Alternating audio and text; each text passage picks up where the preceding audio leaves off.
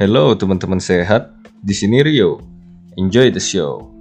Episode 3. Pentingkah diet buat turunin berat badan? Teman-teman di sini pasti banyak ya yang mau nurunin berat badan. Pasti yang udah pernah nyoba mau nurunin berat badan pernah denger dong apa itu kalori defisit atau cutting kalori atau bahkan kalori restriction. Cuman ternyata nih ya, kalau mau turunin berat badan itu nggak cuma kalori yang kita lihat. Jadi ada empat pertimbangannya nih untuk memilih diet selain kalori ya. Jadi yang pertama itu ada jenis makanannya atau jenis diet. Yang kedua itu cara penyajian dietnya. Yang ketiga itu timing kita makan uh, makanan tersebut. Dan yang terakhir itu adalah kalori dari makanan tersebut. Tapi sebelum itu teman-teman harus tahu dulu nih gimana sih sebenarnya pembentukan lemak di dalam tubuh itu.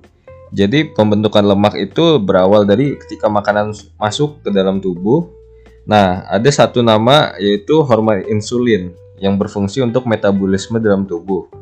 Insulin itu dia tugasnya itu mengubah gula yang ada di dalam darah menjadi lemak.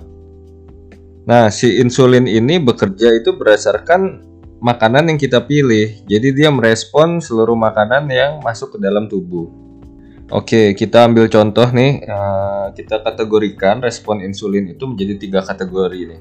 Kategori respon yang bagus, respon yang oke, okay, dan respon yang kurang. Jadi ketika respon insulin yang bagus itu berarti dia uh, metabolismenya uh, tidak dengan mudah mengubah gula menjadi lemak. Jadi tidak gampang gendut lah intinya. Kalau yang oke okay itu yang ya 50-50. Kalau yang kurang itu dia cepat langsung mengubah gula yang masuk dalam darah itu menjadi lemak.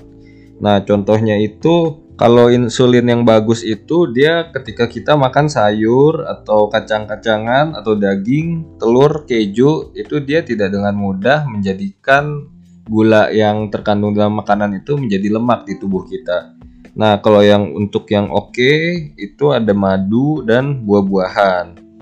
Jadi dia lumayan cepat, cuman masih uh, ada yang lebih cepat nih, yaitu yang uh, kategori yang dikurang. Nah, itu contohnya apa? Makanan yang uh, direspon insulin itu secara cepat. Nah, pertama itu udah jelas ada yang tinggi karbohidrat ya, contohnya nasi, mie, sereal atau bahkan gula-gulaan dan roti dan kue. Pokoknya ya semua proses food yang mengandung gula tinggi. Ya, jadi intinya respon insulinnya semakin tinggi itu semakin cepat terjadi penyimpanan lemak di dalam tubuh. Makanya contohnya ya penderita diabetes itu biasanya mengalami penurunan berat badan drastis. Karena kan kalau di diabetes itu dia insulinnya tidak aktif atau tidak ada. Jadi sehingga gula darahnya itu tidak dikonversikan menjadi lemak. Jadinya ya orangnya nggak bisa gemuk karena insulinnya tidak ada atau bahkan uh, kurang ya. Jadi uh, pengkonversian menjadi lemaknya itu kurang gitu. Selain itu juga kita perlu melihat uh, tingkat kekenyangan atau kepuasan makanan yang akan kita makan nih.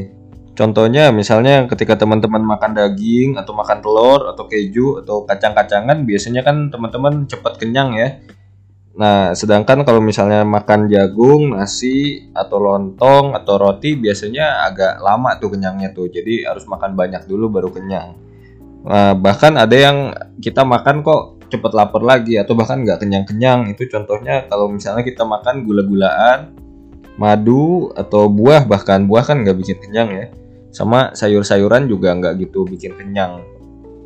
Jadi ketika makanan yang mengandung karbohidrat tinggi itu masuk ya, contohnya nasi gitu yang biasa kita makan, itu respon insulinnya itu uh, agak berlebih karena dia kan sesuai yang tadi dijelasin ya, insulin itu merespon terhadap karbohidrat itu secara cepat ya. Jadi dia mengubah kadar gula dalam darah itu yang uh, ketika kita makan nasi itu menjadi lemak sehingga tubuh itu merasa selalu kurang karena gula darah dalam tubuh itu dikonversinya terlalu cepat sama si insulin. Jadi selalu merasa kurang, jadi terasa lapar terus gitu. Sehingga uh, metabolisme tubuh pun jadi lambat. Jadi kurang kurang bagus lah untuk diet gitu. Nah, ini sekedar info aja untuk hormon yang penting yang ada di dalam tubuh itu pertama ada hormon insulin ya itu untuk metabolisme atau pembentukan lemak. Lalu ada hormon grelin namanya. Itu uh, hormonnya buat men, uh, rasa lapar. Ada lagi hormon leptin itu dia uh, untuk rasa kenyang. Lalu hormon kortisol itu biasanya muncul ketika orang-orang lagi stres gitu. Makanya kalau misalnya diet itu jangan sampai bikin stres. Lalu ada human growth hormone itu yang berfungsi sebagai fat burning ketika kita uh, berolahraga atau uh, adanya metabolisme di dalam tubuh. Oke, jadi mungkin disimpulkan uh, pertama itu kita makan yang harus rendah karbohidrat namun tinggi protein atau low carbs high protein. Itu menunjukkan kualitas makanan yang akan kita makan gitu. Yang kedua itu kita juga harus membatasi waktu makan dibanding waktu kita tidak makan gitu. Jadi jangan kan kita kan biasanya tidur 8 jam berarti uh, aktifnya 16 jam. Jangan sampai waktu makan kita itu terlalu banyak gitu ya. Itu wajar kalau misalnya jadi gemuk gitu. Jadi nggak turun-turun berat badannya. Itu disebut biasanya kita uh, intermittent fasting. Lalu udah jelas kita kurangi kuantitas makanan kita.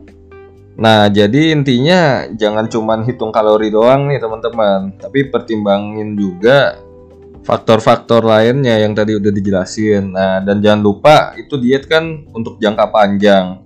Jadi jangan sampai kita stres sendiri uh, dalam menentukan diet kita.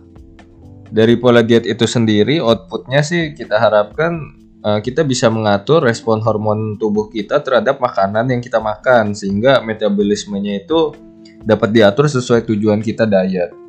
Oke, gitu ya teman-teman. Di sini Rio, thank you for listening. Sampai ketemu di episode berikutnya.